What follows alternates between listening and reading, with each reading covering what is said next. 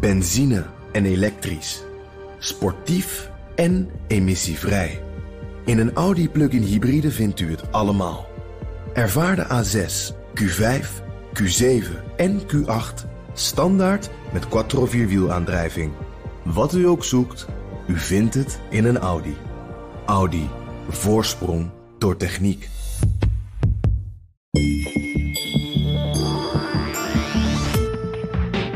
Hartelijk welkom bij de China-podcast. Mijn naam is Herbert Blankenstein en we gaan het vandaag hebben over de handelsoorlog tussen Amerika en China.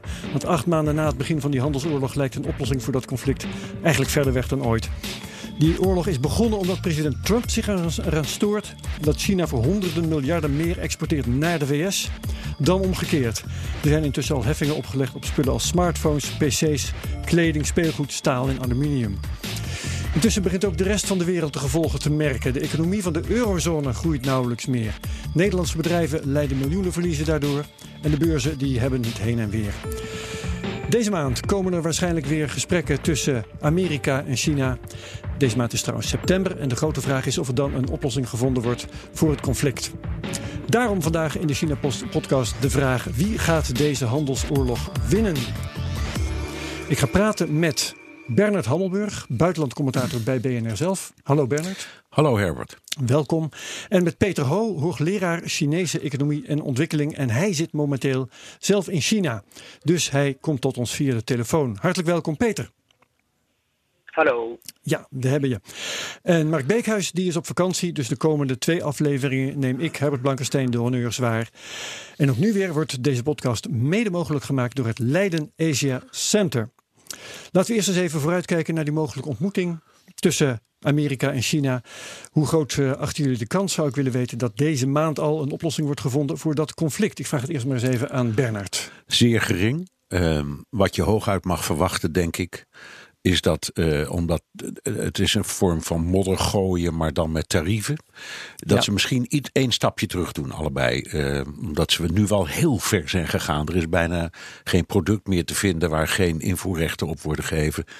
Uh, en met dat, een stapje terug bedoel je dan? Wat, wat, wat van die maatregelen terugschroeven. Toch wel? Ja, iets. Ja. Maar een einde aan die handelsoorlog of zo, daar geloof ik helemaal niks in. Niks aan, uh, om alle mogelijke redenen, waarvan de belangrijkste is dat, die, dat Trump hem gebruikt uh, als uh, heel belangrijk electoraal middel voor de verkiezingen van 2020. Een campagne-instrument. Ja. ja. Peter Ho, ben jij het daarmee eens?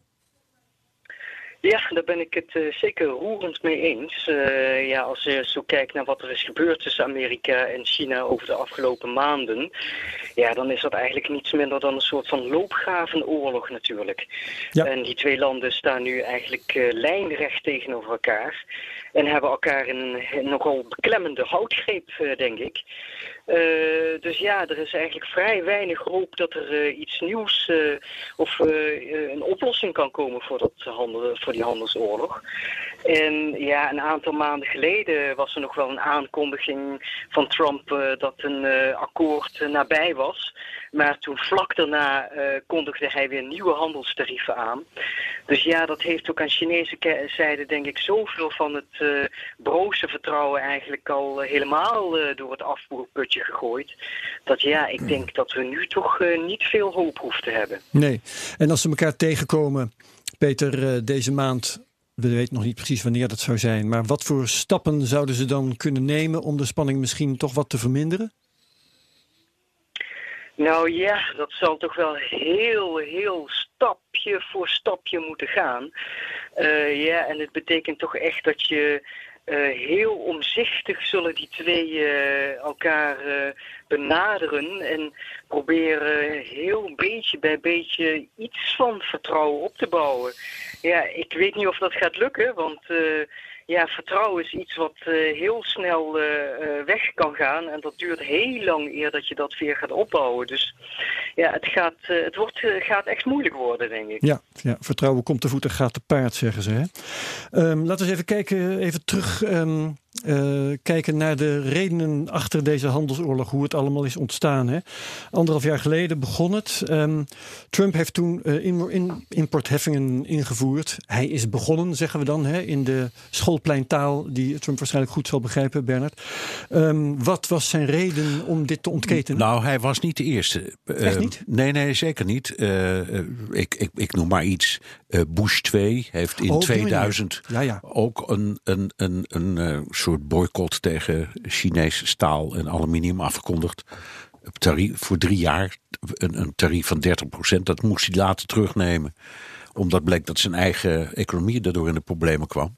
Het gemopper op China is zeker niet nieuw. Dat, ik kan me al herinneren uit de tijd van Reagan.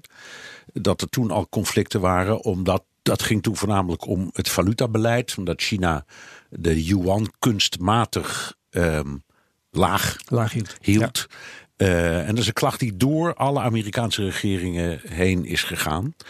En Trump heeft al heel jong, ik geloof in de jaren tachtig, is, is hij al begonnen met een soort campagne van hoe is het ook mogelijk dat wij ons dit allemaal door de strot laten drukken.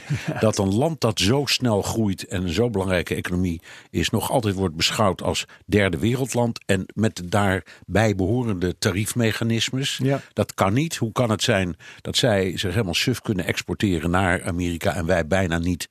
Uh, naar uh, China. Dus die, dat, die klachten bestonden wel. Alleen de Mar ja, Trump is Trump. Dus die heeft het op zijn eigen manier aangepakt. En uh, ik zou maar zeggen, heel enorm met de botte bijl erin gegaan. Maar het principe dat is, en, en de opvatting dat er iets moet gebeuren en dat China vals speelt, is niet een gedachte van Trump. Die leeft echt al decennia. Ja, uh, ik ga het zo aan Peter Ho vragen, maar nu omdat jij het uh, te berde brengt, wil ik het ook van jou weten. Wat jij ervan weet, is mm. het terecht, die klacht van Amerika? Ja, die is, uh, als je moet zeggen, je mag alleen maar ja of nee zeggen. Hè. In zo'n geval dan zeg ik ja. ja. Mm. want dat verhaal over een derde wereldland, dat is natuurlijk nu onzin. Het is geen derde wereldland meer. Dan nou kun je zeggen, oké, als je kijkt naar het inkomen per capita in een arme provincie, dan misschien nog wel een beetje. Maar als in, in totaal, hè, het bruto nationaal product en, en, en zo, dan kun je dat niet meer volhouden. Uh, en inderdaad, er is sprake van uh, een zekere vorm van dumping over, door al die jaren heen.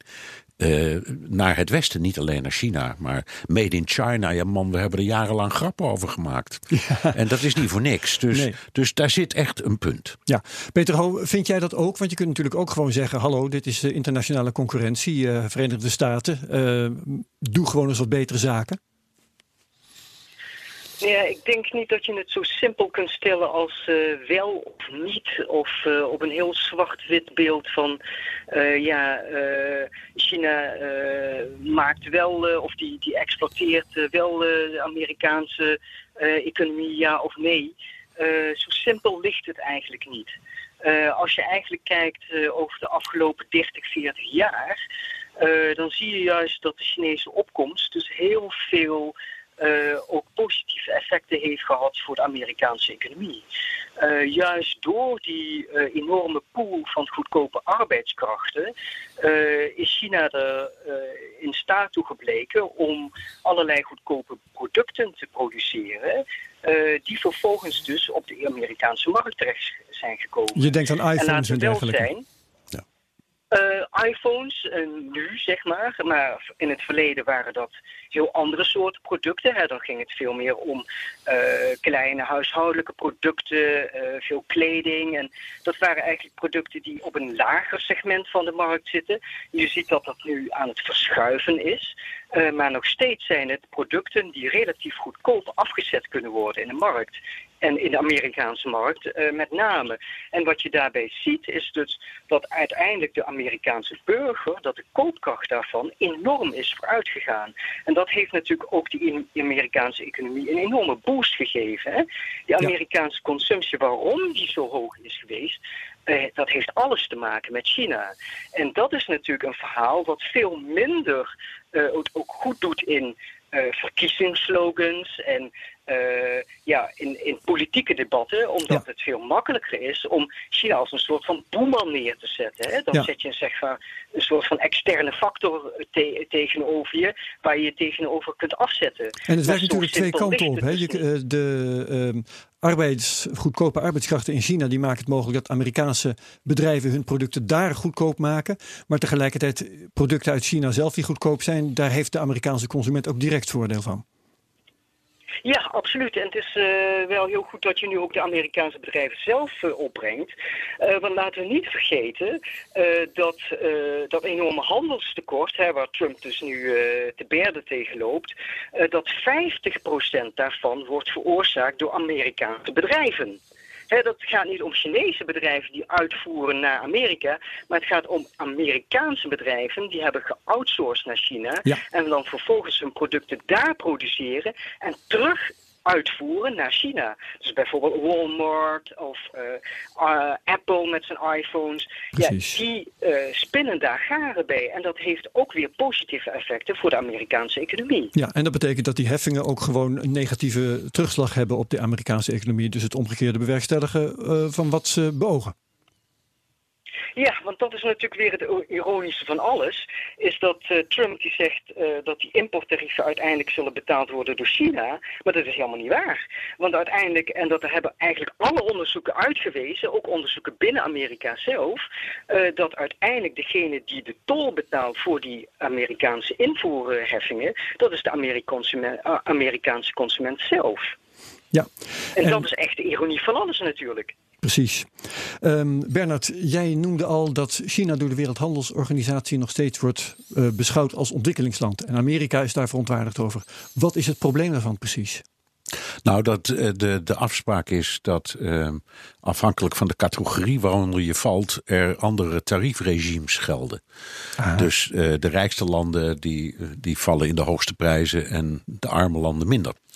En dat, dat irriteert uh, enorm. Uh, en overigens, de, de, redenering van Peter zal in dat geval ook wel opgaan. Want als je, dat op, als je daarmee stopt, dan uit iemand moet het betalen. En dat is nooit meneer Trump. Dat is altijd uh, een burger in, in Iowa. Die er, die er uiteindelijk voor opdraait. En overigens, ik, ik hoorde nu net dat verhaal en bedacht plotseling dat uh, 100 jaar geleden, weet ik veel. Nou ja, maar ja, in de jaren 70, 80 van de vorige eeuw of 90 waren wij beren trots dat Philips zijn CD-productie helemaal in China deed. Sterker nog, als ik het me wel herinner, was daar zelfs een hele stad voor verrezen. De grond gestampt. Ja? En dat, die, die draaide helemaal op Philips. En wij waren trots dat we dat voor elkaar hadden gebracht. Ja. Gebruikmakend van het mechanisme dat Peter net beschrijft. Ja, overigens was ook toen was, was het uh, verhaal dat Nederland daar zo'n fijne afzetmarkt zou kunnen vinden. Terwijl ook eigenlijk het omgekeerde is gebeurd. dat, maar oké, okay, dat terzijde. Um, wat ik ook nog van jou wil weten, Bernard. Uh, jij noemde de vorige handelsoorlog, ontketend door George W. Bush.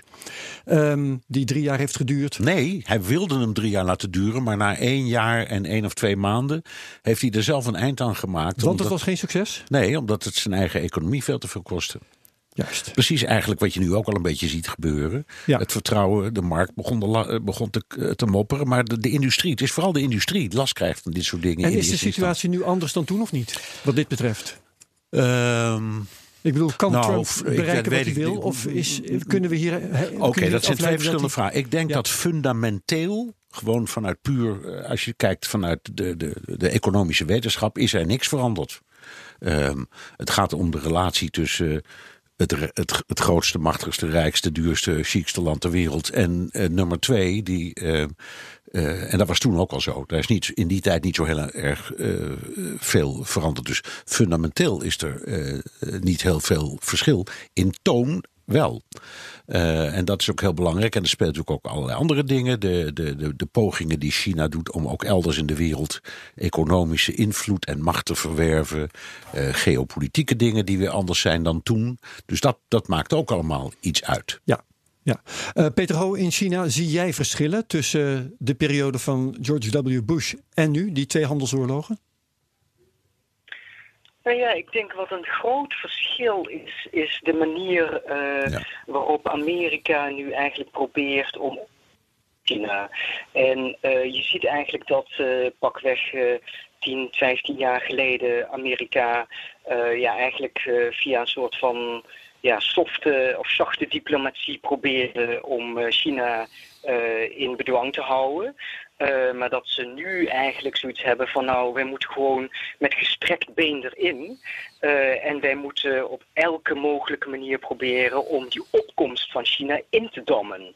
Want die opkomst is iets wat eigenlijk slecht is. Op het moment dat China economisch opkomt, uh, dan is dat een zero-sum game. En daar zijn eigenlijk alleen maar verliezers voor.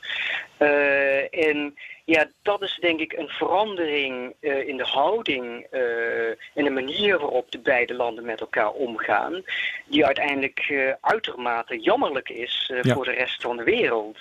Want eigenlijk wat je kunt zien is dat over de afgelopen 30 jaar de Amerikaanse en de Chinese economie eigenlijk alleen maar steeds meer met elkaar verweven zijn geraakt. Mm -hmm. Ik noemde al die 50% van dat handelstekort wat eigenlijk wordt veroorzaakt door, door Amerikaanse bedrijven. Maar als je bijvoorbeeld kijkt naar hoeveel China heeft geïnvesteerd in uh, Amerikaanse staatsobligaties, nou ja, zijn, zijn de grootste geldschieter voor uh, Amerikaanse staatsobligaties. Hè? En zo zijn er nog meer voorbeelden te noemen waarvan je ziet dat die twee economieën zo verknoopt met elkaar zijn geraakt, maar ook China met de hele rest van de wereld. En dat betekent als je eigenlijk nu een soort van zwart-wit beeld probeert los te laten op een probleem of problematiek wat eigenlijk veel complexer is en wat veel meer grijstinten heeft, ja, daarmee krijg je eigenlijk alleen maar meer negatieve effecten. En uh, dat is denk ik ook het gevaar wat heerst aan zo'n populistische manier van opereren, die Trump nu eigenlijk nastreeft, uh, waarbij je eigenlijk ziet dat uh, de wereld heeft genoeg mondiale problemen om op te lossen. en ja, als je denkt aan het klimaatprobleem, uh, dan heb je een andere. Hè? Maar uh, de, de hele wereldeconomie, ja, dat kun je niet oplossen uh, met een soort van handelsoorlog. Dan nee. moet je voor met elkaar om de tafel gaan en dan moet je via multilaterale dialogen moet je dat proberen op te lossen. Dat gaat niet op deze manier. Je zegt dus eigenlijk al, het is niet in het belang van Amerika om China terug in zijn hok te duwen. Um, want Amerika benadeelt, benadeelt, zichzelf minstens zo erg als, uh, als het China benadeelt. Maar uh, kan het überhaupt lukken om China weer in zijn hok te duwen? Of is China daarvoor al te sterk? Wat vind jij daarvan? Uh, nou ja, ik zou zeggen, China in zijn hok terugduwen. Dat is eigenlijk proberen om in te gaan tegen een soort van natuurlijke economische tendens die al pakweg 100 jaar lang gaande is. Hè, wat je eigenlijk ziet is dat die opkomst van China, die is al lang en lang gaande. Ja. En heel veel mensen hebben dat eigenlijk niet in de gaten. Hè? ze hebben nu iets van, ja god, China, die, dat groeit zo enorm snel, zo explosief. Maar als je bijvoorbeeld voorbij gaat aan de enorme investeringen die China onder Mao heeft gedaan in de jaren 50 en in de jaren 60, dan weet je dat die investeringen in de infrastructuur destijds en in de zware industrie destijds, dat had nooit China had nooit het China van nu kunnen zijn als ze die investeringen in de jaren 50 en jaren 60 niet hadden gedaan. En dan zie je dus ook dat die economische ontwikkeling van China is helemaal niet uit de lucht komen vallen. Nee. Maar dat is een hele geleidelijke, langzame en langdurige ontwikkeling die gaande is. En dat hou je gewoon niet tegen. Dus die opkomst van China, dat is een gegeven. Dat gebeurt hoe dan ook. Waar het meer om gaat is, hoe gaan wij er in het Westen mee om? En hoe gaat Amerika als, als, als eerste wereldmacht daarmee om? Want dat zal uiteindelijk ook heel erg bepalen hoe wij in de komende 10, 20 jaar economisch ervoor gaan, uh, zullen voor gaan staan. Ja, Bernard, um, we hebben dus een tweestrijd tussen, uh, ik geloof dat jij net zei, uh, Amerika de nummer 1 en China de nummer 2. Is die verhouding inderdaad nog steeds zo? Ja, want, want ja? Ik, dan moet je, je moet niet alleen letten op het bruto nationaal product, maar ook gewoon op het inkomen per capita. En dat is, als je die dingen vergelijkt, een stuk lager nog steeds in China. Dus, uh, nou weet ik niet precies hoe het zit met de koopkracht, maar laten we, ik ga er maar even vanuit, laten we zeggen, met de meeste economen, dat Amerika nog net een toefje groter is dan Amerika. Ja, ja, ja. Uh, duurt dat nog lang? Uh, nou, Uh, als ze zo doorgaan, gaan niet, zou ik zeggen. Nee. En ik herinner me, nu, ik hoor jullie nu daarover praten en ook over hoe lang China zich al ontwikkelt.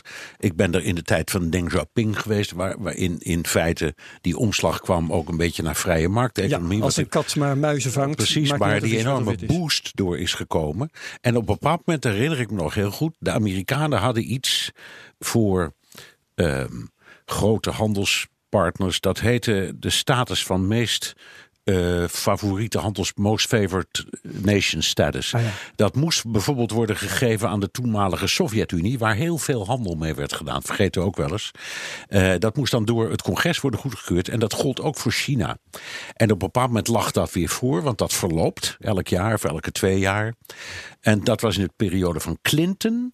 En toen heeft Clinton, toen zei ze in het congres, is daar zoveel fout. En ze zijn ons zo uit de markt aan het drukken. En we worden machteloos tegenover die Chinezen, je moet ingrijpen. En toen heeft Clinton het omgekeerde dus gedaan van Trump. Die heeft gezegd, zou ik wel willen. Maar als ik dat doe, als ik ze die status niet meer verleen, zijn wij de klos en niet de Chinezen. Juist. Dus die had het al door. Uit welbegrepen eigen belang. Ja. Ja. Uh, schat jij dat ook zo in, Peter? Dat uh, Clinton destijds handelde in het Amerikaanse belang en uh, Trump, nou dat heb je eigenlijk al gezegd, doet dat niet? Nou ja, zeker. want Bernard gaf het eigenlijk ook al aan. Hè? als je die twee landen economisch vergelijkt, dan zijn ze eigenlijk heel erg complementair. Uh, China is dan wel de tweede economie van de wereld. Uh, maar als je de, die GDP per capita, dus per uh, Chinese burger gaat bekijken, ja. ja. dan staat dat ver, ver van de Verenigde Staten. En China is qua ontwikkeling, nou ja, die ligt nog toch wel 30, 40 jaar achter, denk ik. Oh, zoveel is het nog wel. Met de Verenigde... Nou ja, als je ja. echt zegt, China moet op hetzelfde peil uitkomen uh, qua koopkracht, qua technologische ontwikkeling, qua militaire ontwikkeling, nou ja, dan heeft China toch nog wel wat, uh, wat te doen, denk ik hoor. Ja. Uh, op dit moment is nog iets van 48 à 50 procent in China van de bevolking. Die, dat zijn boeren, dat is een rurale bevolking. Als je dat vergelijkt met de Verenigde Staten, dat is echt een miniem percentage het merendeel van de Amerikaanse bevolking is werkzaam in de dienstensector, is werkzaam in de industrie. Nou ja, China moet die hele transformatie hè, van die boerenbevolking die migreren naar de steden. Uh, dat, dat proces is de hele tijd gaande. Er zijn al uh, eh, 100, meer dan 100 miljoen boeren zijn verhuisd naar de steden, zijn gemigreerd naar de steden.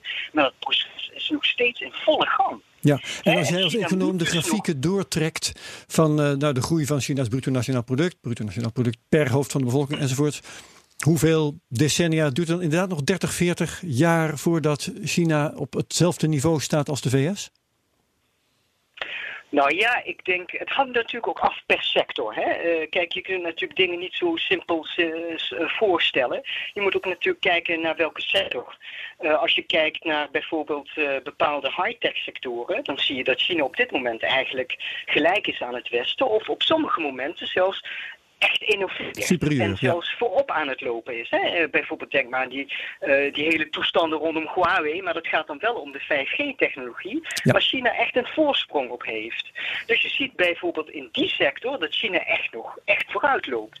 Maar als je bijvoorbeeld gaat kijken naar milieu, of je gaat bijvoorbeeld kijken naar sociale zekerheid, of pensioenen, of gezondheidszorg, ja, dan denk ik, sorry hoor, maar China heeft daar echt nog wel heel wat uh, te doen. Ja. Om dat sociaal zekerheidsstelsel bijvoorbeeld goed op te bouwen, ja, daar moet toch nog echt uh, heel wat voor gebeuren. Ja, ondanks het feit, Bernard, kijk even naar jou uh, als Amerika-deskundige ook, dat in Amerika ook wel het nodige te doen is op het gebied van het armoedeprobleem en sociale zekerheid. Is daar ook niet 100%, zullen we maar zeggen? Nee, maar, Gezondheidszorg is nee, daar... maar het is een hele goede vraag. Dat vind ik een hele goede vraag. Omdat in Amerika is natuurlijk de, er is 20% of zo van de bevolking leeft op of onder de armoegrens. maar relatief is, natuurlijk. Maar die is, die is daar nog altijd iets van 12.000 dollar. Ja. In, ik geloof dat in China het gemiddelde minimumloon, maar dat weet Peter waarschijnlijk bij het gemiddelde minimumloon is nog geen 200 dollar. Ja. Uh, per maand dan, hè? Dat is dan, dan 24. We checken dat meteen even, Peter, klopt dat? Ja, dat uh, zit ja. om en nabij dat uh, cijfer. Nou, dan, moet je, dan moet je dus nagaan ja. wat een race ze nog moeten afleggen om, om, om bij te trekken.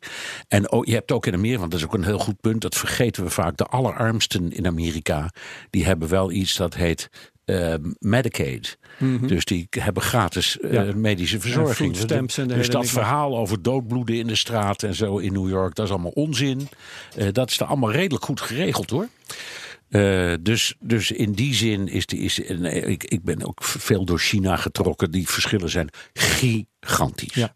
En eh, jij bent Amerikaans deskundige, maar je zit nu hier en niet daar. Weet je niettemin, kun je niettemin iets zeggen over hoe eh, deze hele affaire nu overkomt bij de Amerikaanse bevolking? dat Wat is ook- die van Ik vind dat China. eigenlijk is dat de hamvraag. Want op het moment zou je kunnen zeggen dat. electoraal ook, hè? Zijn Ja, meteen maar op het moment dat Trump, laten we zeggen, hier een beetje van terug zou komen, is het probleem opgelost. Denk ik althans. Dan kun je het gaan oplossen en dan kun je het gaan praten.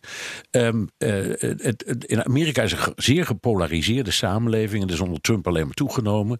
Zijn eigen achterban, eh, dat moet je niet vergeten. Dat zijn voornamelijk eh, de midden- mensen uit het Middenwesten en voor een groot deel uit het zuiden.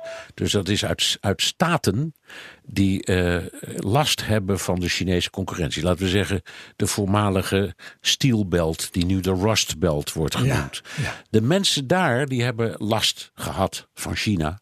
Zo voelen ze het. Ehm, eh, het is feitelijk. Mhm. Maar hebben nu des te meer last ja, maar, die krijgen, ja, maar dat is het aparte. Die achterban, hoewel ze er last van hebben, Ja. die steunen nog steeds aan als die staat blind achter Trump. En ik, ik was een aantal maanden geleden in Iowa. Daar heb je dus is een boerenstaat. Die hebben er echt last van. Dat zeggen ze ook. Eh, maar die zeggen we blijven achter hem Want staan. tarwe was ook een eh, element, geloof ik, hè, in de hele discussie. Ja, ja nee, en dat is dan vooral mais. En dat is een enorm probleem. Maar daar heeft Trump ook weer, weer heel handig. Want die heeft een, een subsidie in het leven geroepen van ik geloof 12 miljard dollar om juist die mensen te helpen. Dus hij weet waar de pijn zit. Maar, daarom zeg ik, is wel de hamvraag. De marge daarbuiten. Dus het, een, een, een groep van mensen die niet tot die hardcore horen, maar wel op hem hebben gestemd, die beginnen nu te twijfelen. En dat is volgens mij ook iets wat je kunt zien in Trumps gedrag. Hij begint zich nu, naar mijn idee, terecht zorgen te maken. Je weet, ik heb altijd gezegd dat hij zou winnen destijds. Ik heb ook steeds volgehouden dat hij de verkiezingen van 2020 weer gaat winnen. Maar iedereen, ook ik, begint daar nu een beetje aan te twijfelen door de, de wijze waarop hij dit aanpakt. Het kost nu wel heel veel geld. Heel veel geld en, en steun. En steun. Ja, ja, ja. Peter Ho, eh, dezelfde vraag eigenlijk aan jou. Hoe gaat het op, de, op het ogenblik in China? Staat men daar te juichen bij de daden van, van de regering? Of wat moet ik me daarbij voorstellen? Nou ja, eh, eigenlijk eh, heeft Xi eh, toch wel behoorlijk steun gekregen vanuit de mensen in China voor in elk geval zijn beleid richting Trump. En Trump die wordt ja toch eigenlijk wel min of meer als een soort van gek gezien of dwaas gezien.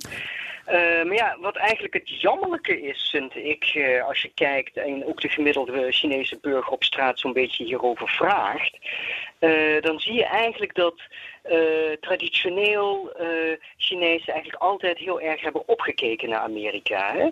Dat was echt het land eh, van heel modern, hoog ontwikkeld, de goede universiteiten als Yale en Stanford en noem maar op. Eh, en wat je nu ziet is dat mensen eigenlijk zo, ja, alles is zo gepolariseerd geraakt, eh, dat mensen Ook eigenlijk China. ook eh, zoiets hebben van, ja, ook in China. En dat mensen zoiets hebben van, ja, wat moeten wij hier nou eigenlijk mee? En heel veel Chinese jonge studenten, echt de, de, de, de knappe koppen, zeg maar, die vertrokken altijd naar Amerika om daar te gaan studeren. Ja, en dat wordt nu heel erg gedwarsboomd natuurlijk. Hè. Die kunnen bijna Ja. geen visum meer krijgen.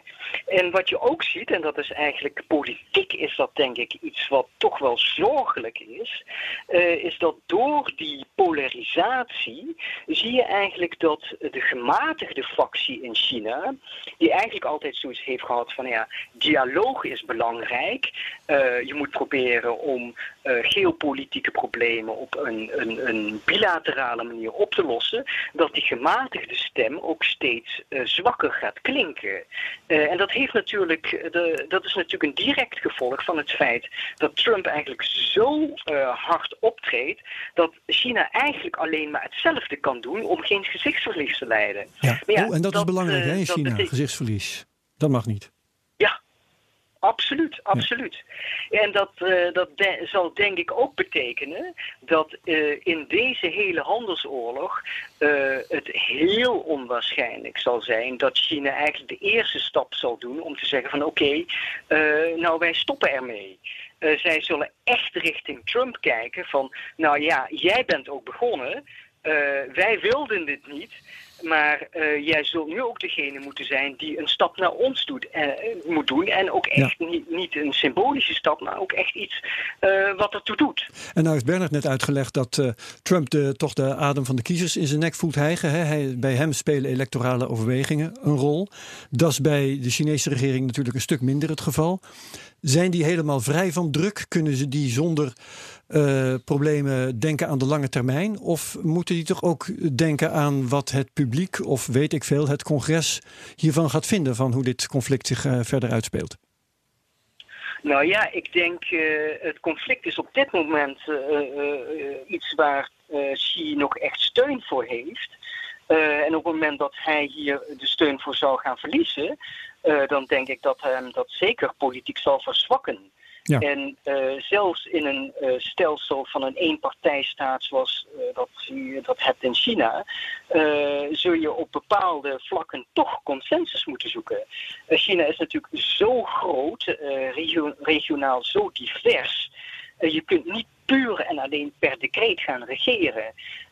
dus ik denk dat als dit verkeerd gaat uitpakken, uh, ja, dat je dat zeker zal gaan voelen. En dan zal hij toch ook wel uh, moeten gaan denken van wat, uh, wat hij voor vervolgstrategie gaat ontwikkelen. En, en als jij zegt verkeerd uitpakken, aan wat voor scenario denk je dan? Wat zou verkeerd uitpakken bijvoorbeeld kunnen zijn?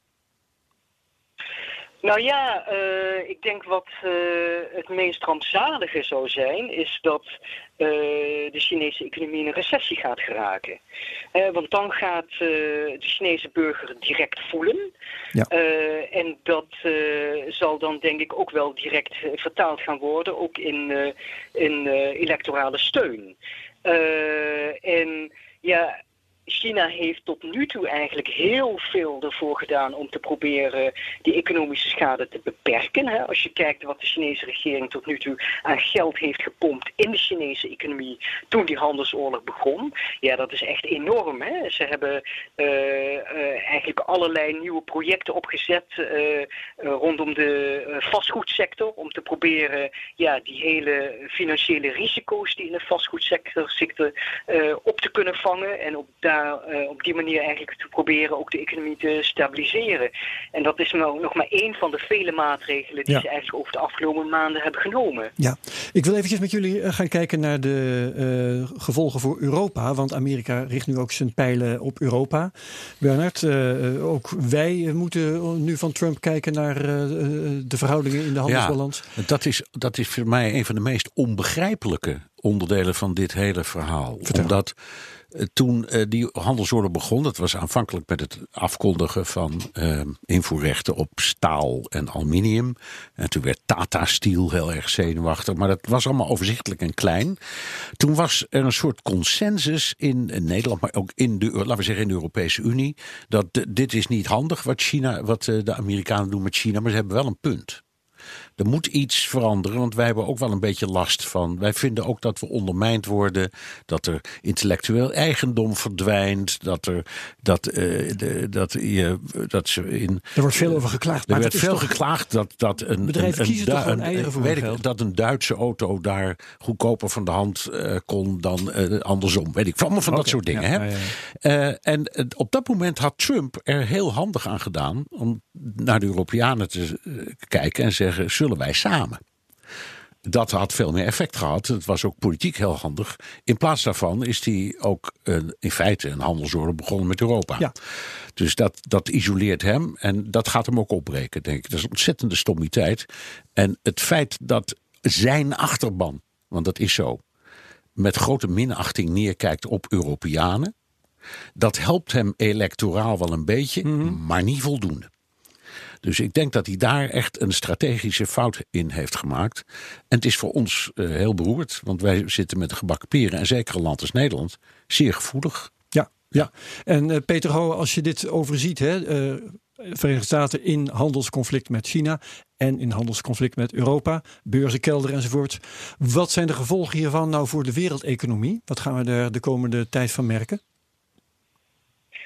Nou ja, uh, die zal eigenlijk alleen maar langzamer gaan draaien. Hè? Er is een uh, recentelijk rapport geweest van de IMF die heeft gezegd een daling van 0,3 procent. En dat is eigenlijk denk ik nog wel een redelijk conservatieve inschatting voor, voor dit jaar of het komende jaar. maar ja, als het zo doorgaat, dan zal dat echt wel zwaardere negatieve effecten kunnen hebben. En het is natuurlijk zo dat wereldeconomie sowieso al uh, ja, toch wel wat broos is. Ja. Uh, als je denkt aan uh, Brexit. maar ja, ook de kredietcrisis hè, van 2008, 2007, dat lijkt wel ver achter ons te liggen. maar laten we wel wezen, hè, al die triljoenen die destijds eigenlijk zomaar zijn afgeboekt, uh, die moeten over de lange termijn toch wel worden betaald. En uh, er wordt eigenlijk nu niet meer zo over gesproken. Uh, maar dat is iets wat nog steeds wel speelt. En als je dus kijkt naar bijvoorbeeld Italië, ja, dat is dan ook nog steeds een zorgenkind. Dus ja, als daar dan die hele uh, toestanden rondom de eerste en de tweede uh, economie van de wereld daar bovenop nog eens komt, nou ja, dan kun je eigenlijk wel redelijk uittellen dat dit gewoon uh, absoluut geen goed nieuws is natuurlijk. Ja, ja, ja. en uh, ik weet niet wat, hoe je Europa moet noemen, maar dan toch wel de derde economie van de wereld. Hè? Die doet dan intussen ook ja, mee aan het ja, hele zeker. verhaal. Ja, nou, ik denk als geheel dat weet ik niet eens. Uh, ik krijg het ook niet. Mannen, weet jij dat, Peter? Mannen, maar ik, het zou me niet verbazen als die als geheel de Europese economie het allemaal bij elkaar kiept met zijn 500 miljoen inwoners, dat wij nummer één zijn. Dan. Dat zou, ja, precies. Ja. Laten we een beetje borst vooruit. Nee, maar, dat, nee, maar ja. ik denk, dat doen we nooit, want we denken in de deelstaten en in, in, ja. in het Verenigd Koninkrijk, Duitsland, dus al die grote economieën. Maar ik denk als je het allemaal bij elkaar gooit. We worden toch ook als Europa aangesproken ja, dan, door Trump, dan, dan, zijn wij een behoorlijke kolos. Ja, um, dus hoe gaat dit verder? Vraag ik ook aan jou, Bernard. Nou, ik, ik dat, dat wil ik ook wel van Peter horen. Maar ik heb altijd in China en van Chinezen begrepen dat die iets heel verstandigs hebben. Namelijk hun stip ligt veel verder op de horizon. Ja. Dat komt ook omdat het een land is met weet ik wat, 4000 jaar Geen geschiedenis. Last van parlementaire dus het is veel. Nee, het is het, nee? Dit, natuurlijk, nee, dat is ook zo. Ze hebben, maar het is vooral een heel oud land, een hele oude cultuur. En dan leer je, los van de politiek, om überhaupt wat rustiger te zijn in alles. Dus ik denk dat er, dat er ook Xi en in de in de omgeving van Xi er heel veel mensen die, die zeggen rustig aan over één jaar of misschien over vijf jaar is die gek weer weg. En dan komt er een ander en dan komt het allemaal weer, wel weer wat beter. En dan de grote vraag is, ja, maar is er dan al zoveel schade aangericht? Weet ik ook niet hoor. Maar ik denk eerlijk gezegd dat dat in, in China uh, wat speelt. Wij in het Westen hebben dat idee van het moet allemaal morgen opgelost. Ja, maar die lange adem, we hebben toch ook een lange geschiedenis. Jawel, maar wij, ja, maar wij denken cyclisch omdat we democratieën zijn. Dus bij Juist. ons moet alles in vier jaar klaar. Ja, ja, ja. Want dan komt er misschien iets anders. En daar hebben de Chinezen geen last van. Dus ik denk dat dat... Uh, die rust... Die... Maar zeg je daarmee als antwoord op mijn vraag... China wint? Nee, ik denk dat China op dit moment nog niet ik zal maar zeggen, de economische firepower heeft om als het echt heel hoog oploopt te winnen. Dan wint Amerika toch. Er zijn allemaal mensen die zeggen er zijn geen winnaars, daar geloof ik niet in. Als het er echt op aankomt, wint Amerika wel, maar ten koste van wat. Petro, ben jij het daarmee eens als deskundige op het gebied van China? Uh, nou ja, dat is nog maar de vraag natuurlijk. Uh, ik denk als je op de middellange termijn kijkt, uh, China heeft ook wel eens gedreigd van ja, als uh, Amerika echt uh, heel vervelend gaat doen, ja, waarom gaan wij dan niet uh, onze aandeel in de Amerikaanse staatsobligaties op de markt gooien? Ja, dat, dat zou echt een desastreus effect hebben op de Amerikaanse economie, maar uiteindelijk natuurlijk ook op de wereldeconomie. en daarmee heeft China natuurlijk wel een groot wapen in handen. maar ja. Nogmaals, ik zelf denk eigenlijk als je kijkt wie is een winnaar, is heel lastig te zeggen. Uh, economie is zo moeilijk te voorspellen. Ja. Uh, omdat je zit met een heel complex systeem. Uh, waarbij elk onderdeel eigenlijk verbonden is met een ander. En je krijgt een soort van butterfly-effect. Uh, die vliegt uh, ergens in een straat 100 kilometer verderop. En ja, ergens anders veroorzaakt zo'n werveling in de lucht een enorme storm, zeg maar. Ja, dat is eigenlijk hetzelfde wat je ook zou kunnen verwachten tussen Amerika en China. Omdat die, dat zijn zulke grote economieën. Die zijn zo met elkaar verknoopt geraakt. En China heeft allerlei wapens in handen waarvan ze kunnen zeggen van nou wij kunnen gaan dreigen en we kunnen het uitvoeren ook. Hè. China is bijvoorbeeld ook de, de grootste uh, producent van zeldzame metalen. Ze hebben al op een gegeven moment heel subtiel uh, aangegeven van nou ja, we kunnen die markt dichtgooien. Ja. ja, dan kan Amerika bye-bye zeggen tegen al zijn computers en de hele Silicon Valley, die kunnen ze wel dicht gaan gooien natuurlijk. Ga... Dus ja, je, je kunt het zo bond maken als je het wil natuurlijk. Ja, ik ga dat eh, van die obligaties toch even aan Bernard voor. Ja, daar is een, is, een enorme discussie. Een bommetje hoor Ja, dat is, je kunt zeggen wij zij zijn eigenaar van de Amerikaanse schuld. Hè? Dus dat kan, is een, China zeggen. kan China zeggen. Dat, is, dat is een soort eh, kernwapen wat ze hebben. Maar het is ook net zo lastig te gebruiken als een kernwapen. Want ze benadelen zichzelf op, de, op het moment dat ze het afschieten, zijn ze zelf ook blut. Want je bent het kwijt.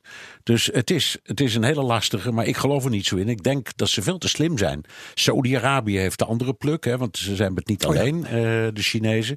En ook die hebben al een paar keer gedreigd: als je niet dit doet of dat doet, dan huppeleflut. Ik zie het ze niet uitvoeren. Nee. Um, dan wil ik eigenlijk nog wel graag weten: wie gaat er dan, als we elkaar met z'n allen omlaag trekken, wie gaat er dan het minste schade lijden? Zodat toevallig als China en de Verenigde Staten elkaar de tent uitvechten, zou dat Europa kunnen zijn die uiteindelijk uh, profiteren, wil ik niet zeggen, maar daar nog het minste last van heeft, Bernard? Um, nee, ik denk dat wij, als ik even kijk naar Nederland en Duitsland, want dat zijn toch, dat ligt bij ons, die, wij worden echt wel mee de, de afgrond ingesleurd. Uh, er zijn denk ik ook. Met de Verenigde Staten. Met de Verenigde Staten. Ik denk, er zijn ook wel spekkopers in het verhaal. Bijvoorbeeld Australië, daar hebben we het nooit oh, over. Wacht, ja. Maar daar staat de rente nog altijd heel hoog. Gewoon normaal op je bankrekening en zo. Die hebben tot nu toe eigenlijk nauwelijks ergens last van gehad. Dus het is niet zo. Maar, maar als je alleen maar kijkt naar uh, China, Europa en uh, de Verenigde Staten, dan, dan zijn wij echt heel kwetsbaar door deze hele zaak. Ja, daar vraag ik ook, ook nog even bevestiging van aan Peter Ho in China.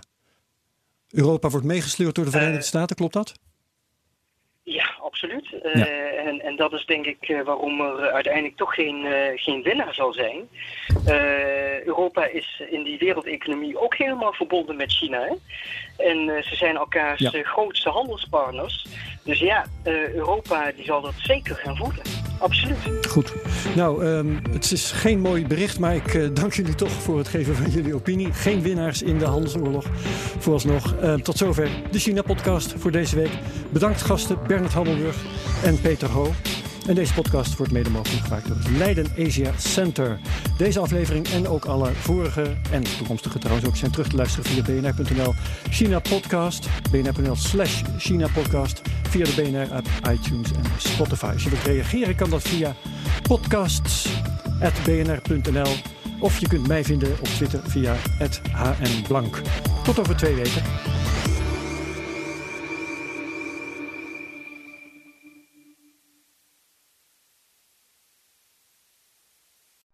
Benzine en elektrisch.